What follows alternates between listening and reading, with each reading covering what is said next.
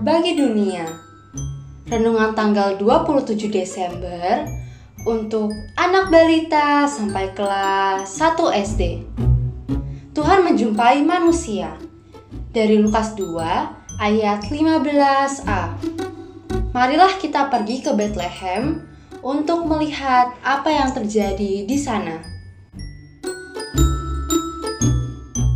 Lihat, di sana ada seorang bayi terbaring di palungan, seperti yang dikatakan malaikat kepada kita. Seru seorang gembala dengan sukacita.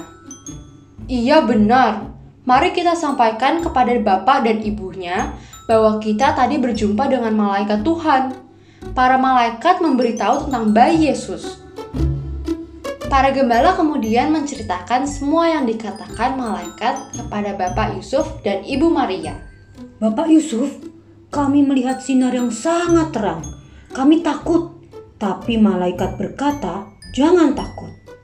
Setelah para gembala bercerita dan berdoa bersama, mereka pulang dengan sukacita. Mereka menceritakan tentang malaikat dan bayi Yesus kepada banyak orang.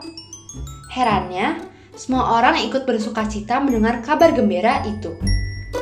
Luar biasa, sukacita itu menular loh ternyata. Ayo kita teruskan sukacita dari surga ini kepada papa dan mama. Mari kita berdoa. Tuhan Yesus, terima kasih Tuhan mau datang ke dunia dan menjadi juru selamatku. Aku mau terus menceritakan kisah ini kepada dunia. Amin.